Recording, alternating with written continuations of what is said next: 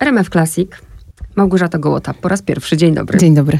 Właściwie to mówmy sobie po imieniu, bo tak będzie wygodniej. Cześć. Zdecydowanie. Cześć, miło cię poznać. Ciebie też. Spina Longa, powiem tak, to nie jest książka na wakacje. Mnie ta książka bolała, ale stwierdziłam, że ona jest na tyle ważna, że absolutnie nie, ona, ona nie może czekać. I bardzo się cieszę, że ją przeczytałam i że mm, w RMF Classic się pojawi. Wiesz, miałam takie wrażenie, że ta Spina Longa to jest metaforycznie mówię, to jest takie miejsce, które ma każde państwo, taka wyspa wstydu.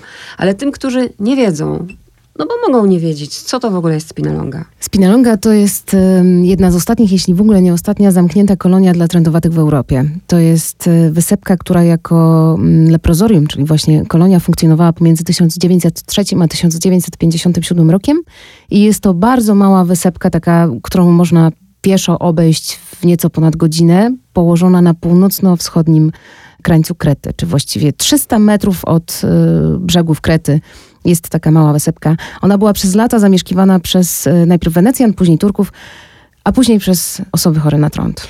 Przenosimy się w czasie, nie wiem, 4 lata wstecz, bo czytałam y, rozmowę z tobą czy wywiad i w 2017 roku nie miałaś w ogóle o tym pojęcia, prawda? Tak. Wycieczka. Wycieczka, wakacje, y, właściwie wypad y, z małym dzieckiem, dlatego blisko, dlatego Kreta, dlatego też rejs promem. Po przepięknej zatoce Mirabello, w ramach której mieści się też Spinalonga. Moje dziecko miało wtedy 3,5 roku, więc y, no, była to super atrakcja, bo półtorej godziny promem, bo można zobaczyć delfiny, bo, bo super widoki i niemęczące. I kompletnie przypadkowo trafiłyśmy na tą wyspę, ponieważ ta wyspa nie funkcjonuje jakoś w świadomości, myślę, że nie tylko Polaków, ale w ogóle Europy, mimo że jest, y, tak jak powiedziałyśmy, niebywale ważnym miejscem w perspektywie całej naszej cywilizacji. Przypadkowe odwiedziny, przypadkowa wizyta na wyspie, która się przerodziła później w- w nie, niebywale emocjonujące poszukiwania i, i taką pracę nad książką, która trwała w sumie 2-3 lata bo ja na początku usłyszawszy historię trendowatych na wyspie, którą opowiadali przewodnicy, opowiadała nasza przewodniczka po polsku, ale też masa innych, bo tam jest bardzo dużo wycieczek.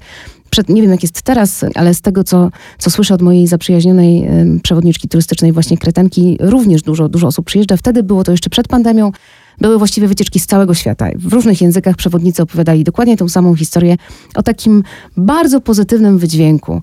Do tego stopnia pozytywnym, że właściwie część osób będących na wyspie miała poczucie takich zmęczonych taką codziennością, pracą w biurze, w korporacji i, i tymi wszystkimi wymaganiami, które musimy na co dzień spełniać, że myśleliśmy sobie, czy pojawiały się takie głosy, tak, jak fajnie, jak fajnie. No dobra, byli chorzy, ale, ale nie, musieli, nie, nie mogli być aż tak chorzy, skoro działały tu kawiarnie, skoro był fryzjer, skoro była szkoła, jest y, cudna zatoka dookoła, jest woda, jest słońce, jest super, w ogóle w czym jest problem? No super, było super, tak jakby mniej więcej taki był wydźwięk tej, wydźwięk tej historii. I tutaj ci przerwę, bo zapytam, bo właśnie w swojej książce też można przeczytać, że wszystko jest tuszowane, przemilczane, przedstawiane w taki sposób. To co spowodowało, że poszłaś dalej? Bo mogłabyś się zatrzymać na tej wycieczce i na tym, co usłyszałaś. Wiesz co, ja myślę, że natura trochę dziennikarska. Myślę, że ja od początku gdzieś tam, za, za, jak usłyszałam, bo, bo przewodnicy turystyczni mówili też o tym, że wciąż żyje osiem osób, które kiedyś mieszkały w leprozorium.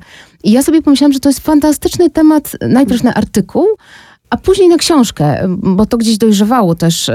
I właściwie to, to, to tylko chyba ta droga zawodowa mnie tu zdeterminowała. Czyli ja jak to dziennikarz, jedzie jak to na wczasy, a nie dziennikarz, odpoczywa. Tak. Nie? O kurczę, Świetny jeszcze temat. tak świetny temat. Dokładnie tak sobie pomyślałam i, i pomyślałam, że no w sumie co mi szkodzi, zacznę szukać tych ludzi, spróbuję się z nimi skontaktować, być może uda się z nimi porozmawiać. E, Później, m, tak jak już powiedziałam, to, to było takie dość, e, nie wyglądało to na, na trudne zadanie na początku. To wyglądało naprawdę na coś prostego, to znaczy ja zadzwonię, umówię się, pojadę z dyktafonem, nagram, napiszę będzie fajnie. I tutaj też myślę, że to, to była też bardzo ważna lekcja dla mnie, pisanie tej książki, bo, bo jednak z perspektywy czasu widzę, jak dużo pokory musiałam nabyć, żeby właśnie nie oczekiwać, że to, że ja chcę z kimś rozmawiać, to będzie się równało temu, że ten ktoś chce ze mną rozmawiać. I w przypadku chorych, osób y, chorych na trąd, które kiedyś żyły na spinalądze, właśnie tak było. One nie chciały rozmawiać.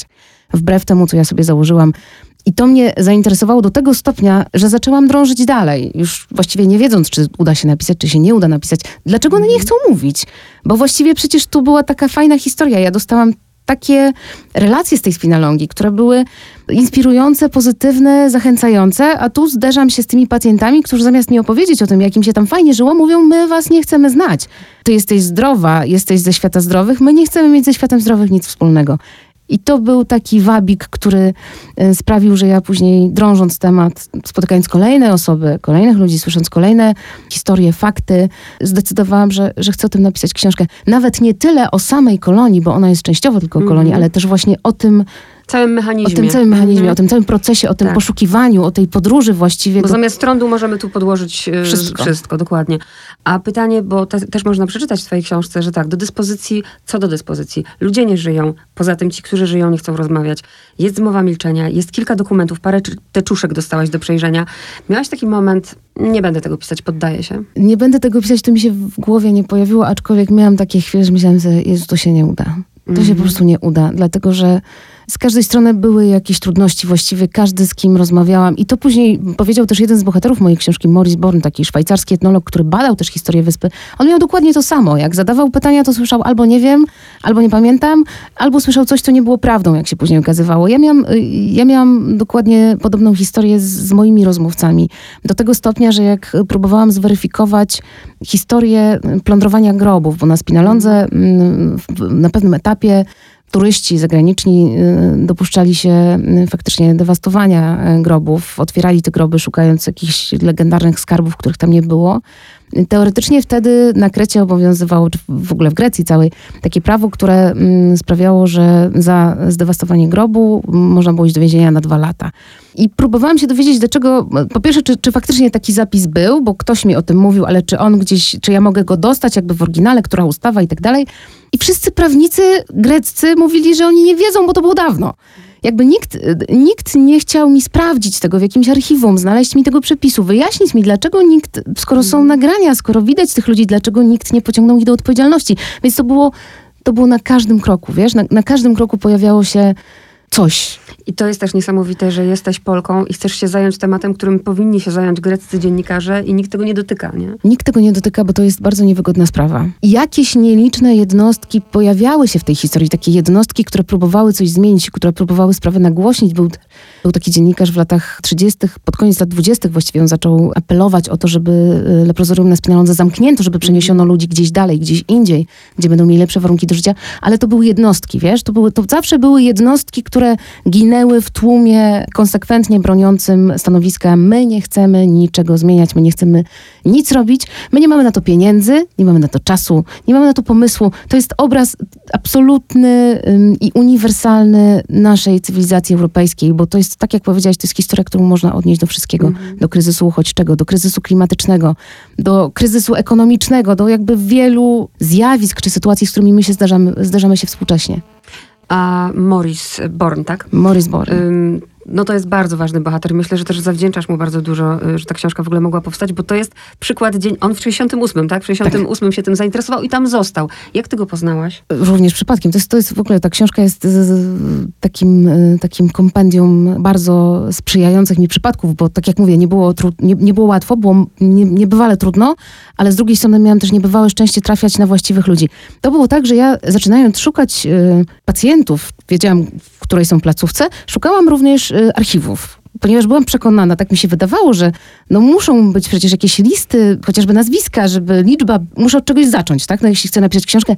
I szukałam tych archiwów najpierw przez ambasadę, później przez MSZ, później przez Ministerstwo Spraw Wewnętrznych greckie aż e, zostałam skierowana do Departamentu Turystyki regionu La City. To jest e, ten region, który, w skład którego też wchodzi Spinalonga. I jedna z urzędniczek e, napisała, że no, oni to nic nie mają, tak jak wcześniej napisało jedno ministerstwo, drugie ministerstwo i kilka innych urzędów. Oni w sumie nic nie mają, ale jest tutaj jakiś pan, który właściwie dużo wie na temat tej wyspy, no to może, może ja bym z nim porozmawiała. I to był właśnie Morris. Ponieważ Morris do tego stopnia związał się ze Spinalongą, że właściwie od lat 70., czy od końca lat 60., kiedy pojawił się po raz pierwszy na Spinalondze, krążył wokół wyspy.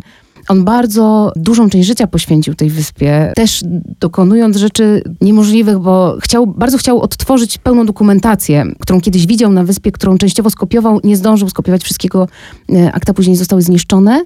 E, zatrudnił się między innymi w placówce takiej w Archiwum Zdrowia Publicznego w Hani, gdzie on biegle znał grecki też, jakby mm, tutaj miał o tyle łatwiejszą sytuację, gdzie po godzinach kopiował e, mhm. archiwa, kopiował teczki, dokumenty z napisem Spinalonga faktycznie miał niebywałą wiedzę na temat, e, na temat tej wyspy. No i Morris, Morris był postacią kluczową, bo, bo Morris, yy, Morris był pierwszą osobą, która opowiedziała mi tę historię od A do Z, nie tuszując niczego. Mhm. Czy on, człowiek, który poświęcił, można powiedzieć, kawał swojego życia tej wyspie i temu, co tam się działo i wiadomo, że y, chciał napisać książkę i wiadomo, jakie miał problemy, czy on cię nie zniechęcał do tego? Bo przecież on tyle lat w tym był i jemu się nie udało wszystkiego osiągnąć, co chciał. On cię nie zniechęcał, nie mówił, po co ty się za to bierzesz w ogóle? Trochę zniechęcał, trochę zniechęcał, ale myślę, że nie chodziło o jego ego, czy o niego samego. Chodziło o to, że on się chyba obawiał, że ja dotrę faktycznie do sedna i dotrę do Aten i zacznę znowu zawracać głowę, tak, rany. rozdrapywać rany mm. tych osób, które cierpiały przez tyle lat na skutek naszej zbiorowej znieczulicy. Bo to nie była tylko kwestia Grecji, bo tak jak w książce jest napisane o istnieniu spinalongi, wiedziano również w innych krajach europejskich. Krytykowano ją nie, niejednokrotnie w 1937 roku, nazywając wprost y, obozem koncentracyjnym. Co nie zmienia faktu, że do 1957 roku leprozorium istniało w niezmienionym kształcie i byt pacjentów tak naprawdę się nie poprawił przez te pół wieku funkcjonowania kolonii. Tutaj zrobię taką dygresję. Ostatni raz byłam w Oświęcimiu, bo nie jestem w stanie i na razie nie jestem gotowa. Uważam, że i tak to było za wcześnie. Jak miałam 15 lat. I nie wiem, jak tam jest dzisiaj, naprawdę, ale nie wyobrażam sobie, jak, jak czytałam, że tam są, prawda, jakieś y, kawiarnie w miejscu, w którym, no to, to mi się w głowie nie mieści. Tak, tak jakbym w baraku teraz weszła i miała sobie pić kawę i lody. Tak. I to jest, to jest właśnie coś, z czym Morris nie mógł się pogodzić. Morris, mówię, w czasie przeszłym nie mógł, ponieważ Morris, y, Morris Bourne zmarł y, w zeszłym roku. Do, do końca właściwie apelując o wpisanie Spinalongi na listę UNESCO, o to, żeby prawda o wyspie została ujawniona, żeby była przekazywana światu. Bo nie chodzi o to, to nie jest też tak, że turyści słyszą nieprawdę. Oni słyszą przypudrowaną wersję prawdy. I Morris bardzo y, chciał i bardzo walczył o to mm, do samego końca, żeby y, przestano pudrować tę historię. Żeby ktoś się przyznał do tego, co tam się, to, co tam się działo na tej wyspie, do tych dramatów, które miały miejsce, do tych y, zaniechań, których się dopuszczono, do tego, że właściwie nikt nie wie, nie jest w stanie policzyć, bo nikt tego nie sprawdzał, ilu pacjentów było na spinalądze, nikt nie zna ich nazwisk, nie wiadomo, co się stało z ich dziećmi, gdzieś przepadły. On o to bardzo, bardzo walczył. Natomiast no, faktem jest, że oprócz tej, tej historii właśnie, którą przewodnicy opowiadają turystom, jest też całe to, cała ta otoczka, która e, budzi taką grozę trochę, bo to jest, myślę, że nie ma nic złego w tym, że ktoś próbuje znaleźć sposób na finansowanie chociażby istnienia tej wyspy. Tylko troszkę nie tędy droga, bo tak jak wspomniałaś o Oświęcimiu, w Oświęcimiu nikt nie prowadzi kawiarni z widokiem na, nie wiem, krematorium na przykład, tak? A w sytuacji, w której ja jestem w restauracji, gdzie mam do wyboru w menu deser nazwane spinalonga, spinalonga, czyli miejsce, gdzie setki tysięcy osób ginęły, w okropnych męczarniach gdzieś tam traciły życie. I właściwie atrakcją jest to, że ja jem ten deser spinalonga z widokiem na spinalongę, no jest czymś po prostu budzącym głęboki niesmak i taką grozę. I zadajesz sobie pytanie, patrząc na tą wyspę i na tych wszystkich ludzi, którzy tam są, którzy często nie zdają sobie sprawy z tego, a być może też nie mają umiejętności kontestacji zasłyszanej historii, jak żeśmy się tu znaleźli jako cywilizacja. To jest w ogóle niemożliwe. Poza tym, tak jak ty mówisz, to jest w twojej naturze, bo jesteś dziennikarką, więc gdzieś poszperałaś, a ludzie nie mają takiego obowiązku. Jadą wypoczywać, dostają gotową treść. No, nie ma refleksji nawet takiej. Ja nie chcę, nie chciałabym też, żeby ta rozmowa skupiła się na tym, żebyśmy tutaj właśnie, bo po to jest książka i tę książkę trzeba nie tylko przeczytać, ale i też przeżyć, e, ale chociaż dwa zdania, żeby uporządkować, bo wszyscy słyszymy trąd, trąd, trąd, trendowaty. Już w ogóle od, od dawien dawna i w Biblii sobie czytamy, ale nasza wiedza na temat tej choroby, ja nawet mam wrażenie, że dzisiaj wystarczy, ja ci podam przykład. Człowiek z łuszczycą. Tak, było to coś strasznego lata temu, ale nadal jest, bo na temat trądu nikt nie przeprowadził tak naprawdę takiej solidnej akcji edukacyjnej czy informacyjnej. Przez setki lat wmawiano nam, że jest to kara za grzechy, kara boska. O tym jest mowa w Biblii, o tym traktowały, traktowało wiele mm, książek czy poematów. I przez lata właściwie umacniano takie poczucie, że trendowaty to grzesznik, z którym nie powinniśmy mieć do czynienia w ogóle, bo nie dość, że może nas zarazić, to jeszcze może nam się udzielić ta, ta, ta jego zła natura. I później po tych latach, y, no bo tak naprawdę problem z trądem był już gdzieś w starożytności, w średniowieczu był spotęgowany. Na dobrą sprawę leki znamy dopiero od lat 40. XX wieku, więc to jest stosunkowo... Nie ma tutaj proporcji, tak? Przez większość czasu nie, nie znaliśmy tych leków.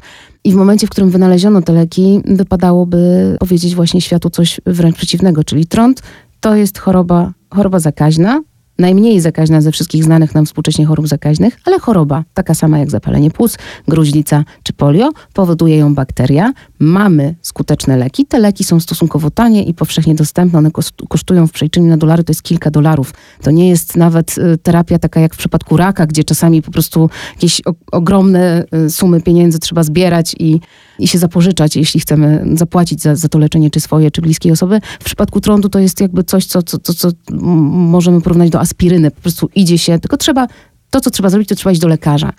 A konsekwencją braku tej akcji edukacyjnej jest właśnie to, że do dzisiaj bardzo wiele osób boi się diagnozy, nie idzie do lekarza, nie idzie po leki, nie chce się leczyć.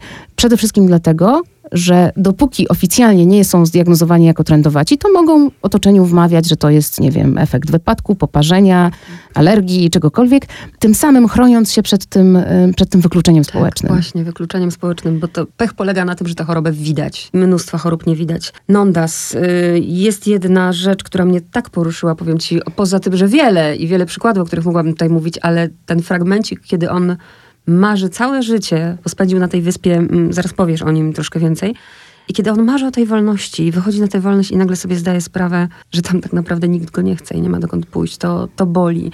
Powiedz, kim jest Nondas, chociaż parę słów. Epaminondas, bo tak brzmi jego pełne imię, Hermondakis, jest to bardzo wyjątkowa postać. To jest y, pierwszy i prawdopodobnie jedyny albo jeden y, z niewielu pacjentów chorych na trąd, zesłanych na spinalongę, którzy mieli wykształcenie on był w połowie właściwie studiów prawniczych, był na trzecim roku studiów prawniczych, kiedy został zesłany na wyspę, natomiast chorował od faktycznie 12 roku życia. Przez y, większą część y, swojego życia, czyli właśnie po tym, jak już poznał swoją diagnozę, ukrywał się razem ze swoją siostrą w Atenach. Chodził do szkoły normalnie, bo miał to szczęście, że faktycznie przez, przez ten długi czas, aż do jego aresztowania, nie było widać tej choroby. Ona była kompletnie nie do namierzenia w jego przypadku. I w momencie, gdy pojawił się na wyspie, to jest, to jest w ogóle fascynująca postać. Naprawdę Państwo zobaczycie, jak, jak przeczytacie książkę, która jest absolutnym y, ideałem siły osobowości, takim pięknym portretem człowieka niebywale charyzmatycznego, który marzył o karierze prawniczej, któremu marzenia w pewnym momencie odebrano i który stwierdził, że okej, okay, nie zrobi kariery prawniczej w kancelarii, ale zrobi karierę jako prawnik trendowatych. I on właściwie wszedł w tą rolę mm, w 1936 roku, w momencie, w którym pojawił się na wyspie i do samego końca, właściwie do końca swojego życia pełnił funkcję kogoś, kto prowadzi tych chorych, kto się nimi opiekuje, kto walczy o to, żeby im się lepiej żyło. To był człowiek, który y, jeszcze w latach 30., później też w 40. walczył między innymi o wapno do bielenia domów, walczył o dostęp do leków, walczył o jedzenie w czasie II wojny światowej, kiedy o kolonii dla trędowatych zapominano zwyczajnie, bo y, rząd grecki był na migracji, byli okupanci, najpierw Włosi, później Niemcy, no ale jakby cóż Włochom i Niemcom do kolonii dla trendowatych.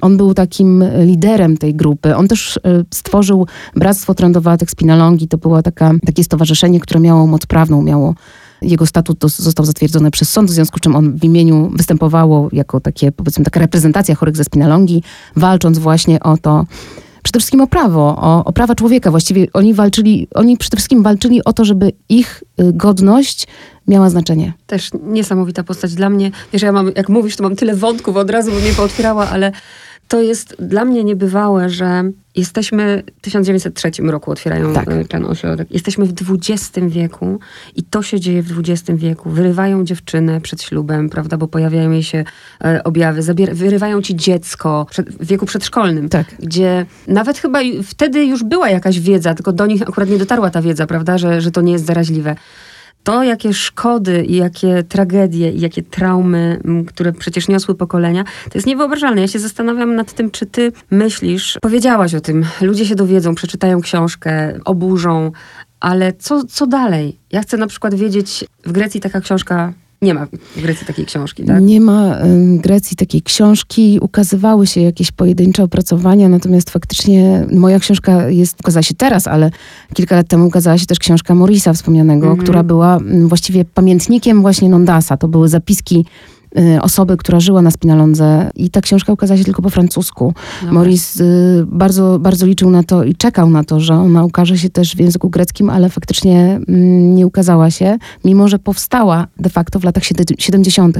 Ukazała się dopiero w 2015 roku we Francji i tylko po francusku, po grecku, po grecku niestety nie. To jakie są szanse, że ta ukaże się nie tylko po polsku? Znaczy, Zobaczymy. no, Zobaczymy. Mam nadzieję, mam nadzieję, że jakieś są. Natomiast no, Grecja, z tego co widziałam po, po nastawieniu różnych, y, różnych osób zaangażowanych, pośrednio pewnie trochę w tą sprawę, no bo bezpośredni świadkowie y, w większości już nie żyją, niespecjalnie czuję potrzebę zajmowania się tym tematem. To znaczy, no, było, minęło. Ci, co zmarli, to zmarli, ci, co żyją, to żyją. Generalnie no, wyspa funkcjonuje, jest tam jakiś obiekt turystyczny, jakaś tam część prawdy jest i to jest okej.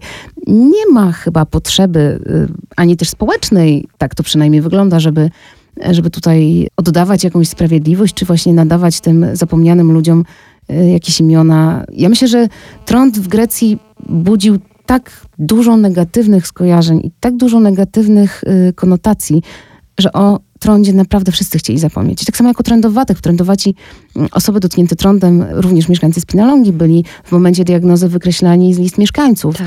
Osoby, które później wyszły z leprozorium, nie miały kompletnie żadnej tożsamości. Oni dostawali, mm, dostali nowe dowody, tak naprawdę, w których w miejscu urodzenia, miejsce urodzenia wpisano im e, szpital Agia Warwara w Atenach, czyli miejsce, w którym tak naprawdę spędzili Mhm. resztę swojego życia. Oni nie byli z Aten, oni byli wszyscy z Krety.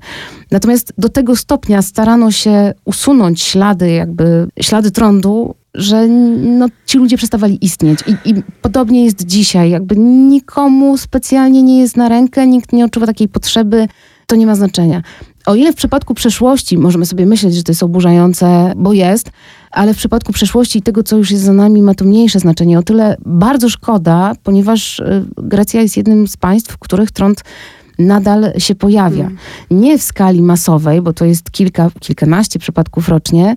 Natomiast te osoby, które dzisiaj są diagnozowane jako trędowate, nadal doświadczają tego samego, co ich y, poprzednicy ze spinalongi, czyli wykluczenia społecznego. I tu bardzo wyraźnie widać właśnie tę potrzebę edukowania społeczeństwa. Tak, a poza tym ty mówisz o wykreślaniu z list mieszkańców. Ja myślę o dziewczynce w Indiach i o rodzicach.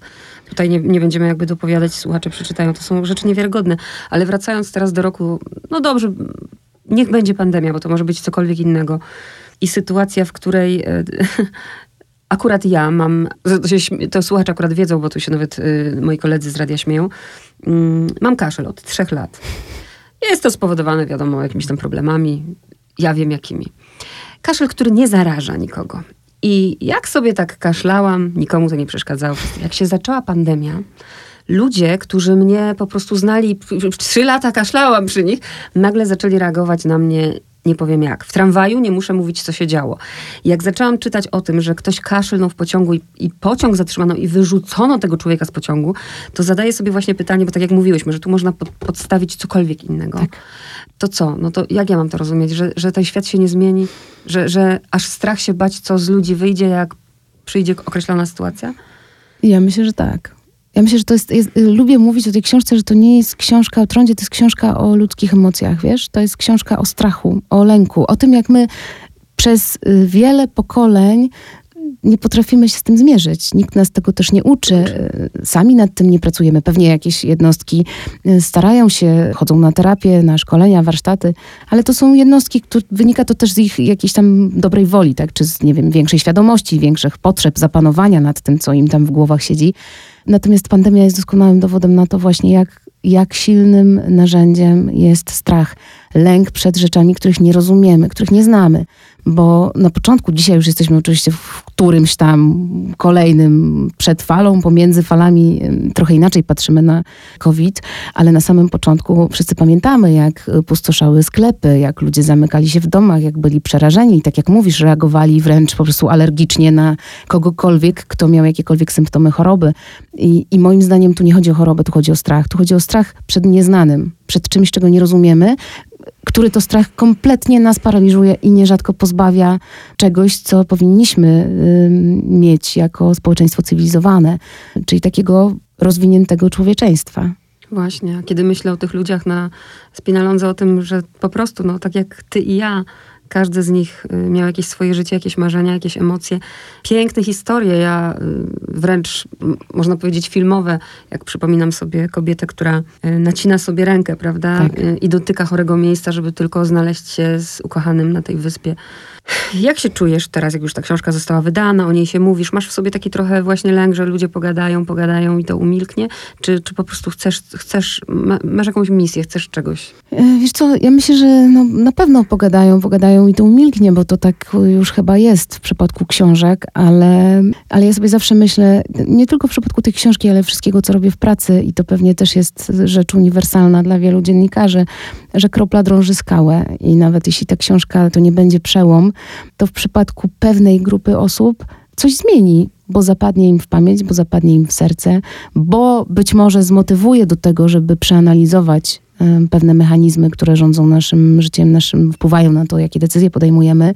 Być może też przedstawi historię ludzi bardzo taką wyrazistą i wręcz filmową, tak jak powiedziałaś, która właśnie znajdzie odniesienie innej sytuacji, bo Janina Ochojska, która też polecała tą książkę, bardzo wyraźnie podkreśliła, że to jest tak naprawdę książka o wykluczeniu społecznym, o odmienności też, o tym, jak my się odnosimy do kogoś, kto jest inny nie tylko niebezpieczny, bo chory, ale inny.